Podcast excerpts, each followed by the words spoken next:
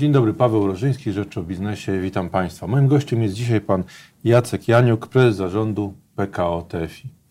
Witam Panie Prezesie. Dzień dobry. Coraz bliżej, e, znajdujemy się bliżej terminu, w którym najwięksi przedsiębiorcy będą musieli wybrać instytucję finansową, która będzie zarządzała środkami zgromadzonymi e, w PPK. I o czym właściwie powinni e, pamiętać przedsiębiorcy przy wyborze takiej instytucji? Czym się kierować? Jasne. Podstawowa sprawa, 25 października tego roku przedsiębiorcy muszą podpisać tą umowę o zarządzanie, czyli wybrać tą instytucję, tak jak Pan powiedział.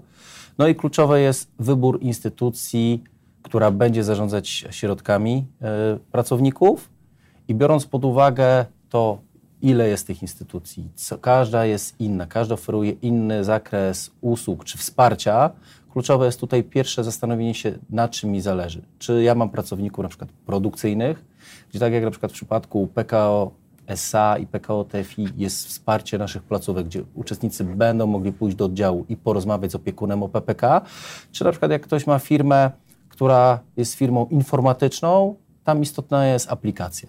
Aplikacja, dzięki której pracownik będzie mógł złożyć wszelkiego rodzaju oświadczenia.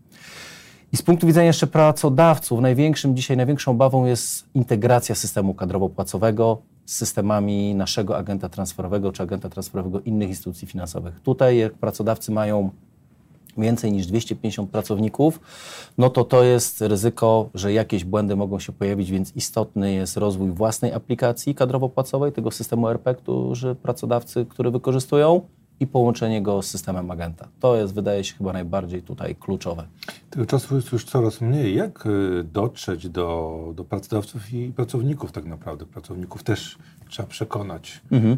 Więc tak, wiadomo, pierwsza sprawa to jest wybór instytucji i tu już pracownicy są zaangażowani w wybór, ponieważ ustawa mówi, że reprezentacja pracowników lub związki zawodowe muszą brać udział w wyborze tej instytucji finansowej.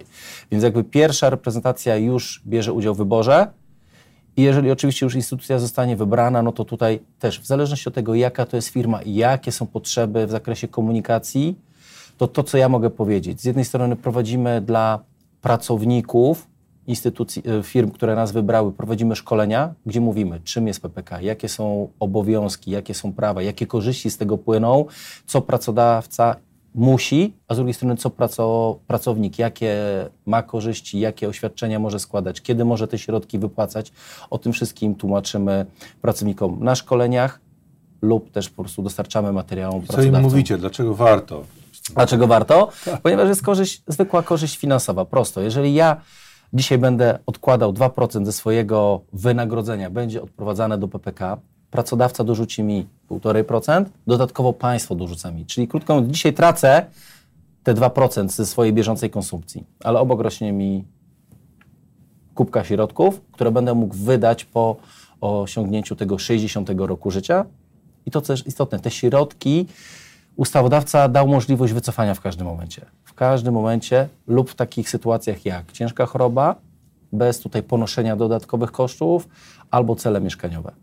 A czy Pana zdaniem mm, powinna się rozpocząć rzeczywiście wielka, zmasowana kampania promocyjna tego, bo to już czas, czas płynie, mhm. a wiele osób, no, także przedsiębiorców nie zdaje sobie, y, podejrzewam, sprawy z wagi tego, co się teraz dzieje. Tak? Jasne, wiadomo z jednej strony media, takie jak Państwo, piszecie o tym i czytelnicy czytają. Z drugiej strony wiem, że też PFR będzie prowadził tutaj kampanię informacyjną i wiadomo, dowiedzą się od swoich pracodawców, że taki program e, wszedł, no bo zostaną takim e, programem objęci z automatu. Oczywiście każdy będzie mógł się wycofać, no ale zanim się wycofie, wycofa, powinien przeanalizować wszystkie za i przeciw.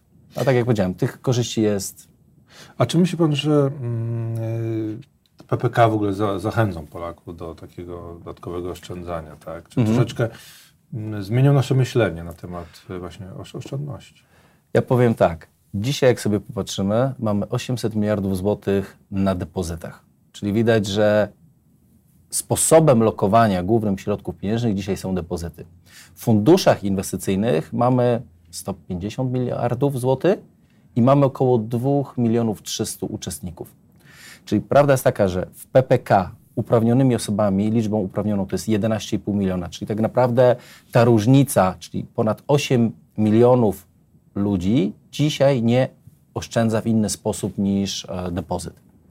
Prawda? Więc jakby to jest też szansa, żeby dotrzeć do nowej grupy i, i ten program został tak skonstruowany, że on ma właśnie zachęcić do tego, żebyśmy oszczędzali na tą przyszłość, bo ta przyszłość... No właśnie, dlaczego? Dlaczego, Dlaczego? to jest takie ważne? Dlaczego to jest ważne?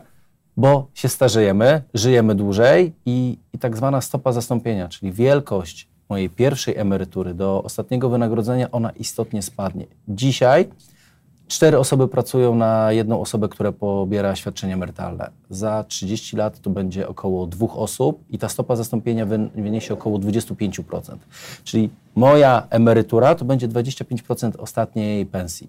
Dzisiaj to jest około 45, 50, więc my musimy zacząć oszczędzać, myśleć o przyszłości, jeżeli chcemy utrzymać standard życia na, na tym poziomie, który mamy obecnie, lub nie doprowadzić do tego, że on istotnie spadnie. Więc trzeba dzisiaj o tym myśleć. Fakt, że konsumujemy, cały czas dużo konsumujemy i nie wykorzystujemy możliwości, jakie daje nam rynek finansowy, bo na depozycie dostaniemy tyle, co, na, tyle, co wynosi inflacja, albo mniej. A jakby badania, historia pokazuje, że na rynku finansowym, na obligacjach skarbowych, czy oczywiście już później instrumentach bardziej ryzykownych jak akcje, w dłuższym terminie można więcej zarobić. Czyli troszkę też taka rola edukacyjna. I to chyba bardzo nawet prawda? duża. Ja powiem tak, jakby my, jak widzimy, że od początku tłumaczymy, czym jest fundusz inwestycyjny, że on będzie inwestował w akcje, w obligacje, ten portfel będzie zdywersyfikowany, będzie się wahał, bo często jest tak, że ktoś przyzwyczajony do depozytu, te środki cały czas rosną liniowo. czy to nie jest trochę niebezpieczeństwo, jednak y, zawsze może dojść do jakiegoś spowolnienia. Może. Mamy długi okres koniunktury w tej chwili i jakieś tam te okresy spowolnienia będą, może nawet recesji, kto wie. Będzie i to, i to na pewno będzie, bo gospodarka porusza się w cyklach, ale trzeba jakby to rozumieć, że po każdym spowolnieniu przychodzi odreagowanie, przychodzi ożywienie, spółki zaczynają osiągać wyższe przychody ze sprzedaży, wyższe zyski, ceny tych aktywów ryzykownych rosną. I tak jak powiedziałem, historia pokazuje, że stopy zwrotu z tych aktywów ryzykownych historycznie były zawsze wyższe, więc trzeba, tylko nasz mózg z kolei tak działa, że nie każdy akceptuje nawet te straty dwu, pięcioprocentowe, więc też jest istotne, żeby ten fundusz z definiowanej daty, który sobie wybierzemy, był też dopasowany do naszego profilu ryzyka. Bo często nawet jeżeli ktoś jest młody i horyzont inwestycyjny ma bardzo długi, on może nie wytrzymać 5% strat. Właśnie, czy, czy, czy duże jest e, zainteresowanie? Mówimy tu o zarówno instytucjach finansowych, ale też no, Polakach, tak, prawda? E, potencjalnych uczestnikach. E, czy, czy on, jak oni do tego podchodzą? Czy duże zainteresowanie, czy też nie mają z tyłu głowy właśnie no, tych kryzysów, które mieliśmy, na przykład mieliśmy 10 lat temu ważne tąpnięcie w gospodarce światowej i, i, i na giełdzie też ludzie, ludzie ponosili straty wówczas. Czy, czy, czy, czy to jednak z tyłu głowy nie siedzi? Jest, jest z tyłu głowy kilka rzeczy. Z jednej strony ten pierwszy taki kryzys z 94 roku, który mieliśmy i ten kryzys ostatni, który, który dużo osób pamięta, bo, bo niestety te osoby często wchodziły na rynek finansowy w 2006-2007 roku, gdy giełdy już były po dużych wzrostach. I one, że tak powiem, poszły tym efektem e, takim stadnim i kupiły aktywa na samej górce, no i później sprzedały albo cały czas je trzymają i te straty już można powiedzieć, albo odrobiły, albo są blisko odrobienia strat. I te osoby się boją tego. Z drugiej strony cały czas jest przeświadczenie, że PPK to będzie drugie OFE. A jednak jakby patrząc na jakby konstrukcję całego systemu i tego, jak PPK zostało zaprojektowane, to nie jest drugie OFE i nie będzie drugie OFE. Po pierwsze, źródło finansowania jest inne. Po, po kolejne jest to, że te fundusze, te środki są nasze. Są nasze, to znaczy pracowników i tutaj nie ma możliwości, żeby one zostały zabrane. Jest upaństwowione, czy Tak, no to, takiego, to jest, no to, obawiać. no okej, ktoś może się tego obawiać, no ale tutaj jest wprost napisane, to są środki tak samo, można je traktować jak środki, które są na depozycie. A czy myśli Pan, że, że będzie cały ten program y, miał pozytywny wpływ rzeczywiście na giełdę, z jednej strony, a z drugiej strony na, na gospodarkę? Ja patrzę tak, e, patrzymy na to w ten sposób, że tak będzie miał, ponieważ na rynek kapitałowy dopłyną nowe środki.